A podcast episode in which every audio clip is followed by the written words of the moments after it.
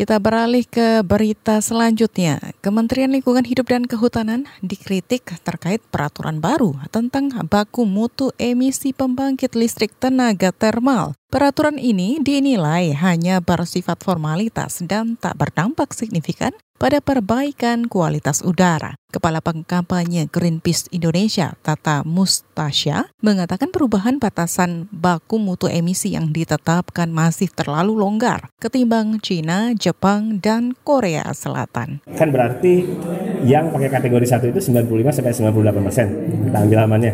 Berarti ya emisinya bisnis as usual dan yang existing dan yang baru yang baru itu akan menggunakan standar PLTU tua. Ya kan sebenarnya ini kan dia dia menyesuaikan dengan PLTU PLTU tua ini ya tadi sehingga yang baru-baru ini akan memakai standar-standar tua dan emisinya akan bertambah jelas. Sementara itu, Direktur Pengendalian Pencemaran Udara KLHK, Dasrul Shaniago mengklaim batasan baku mutu emisi telah diperketat dengan penerbitan aturan baru. Dasrul yakin upaya mengurangi emisi dan memperbaiki kualitas udara tak bakal gagal. Ia juga memastikan KLHK terus mengawasi emisi yang dihasilkan pembangkit termal berbahan batu bara atau PLTU.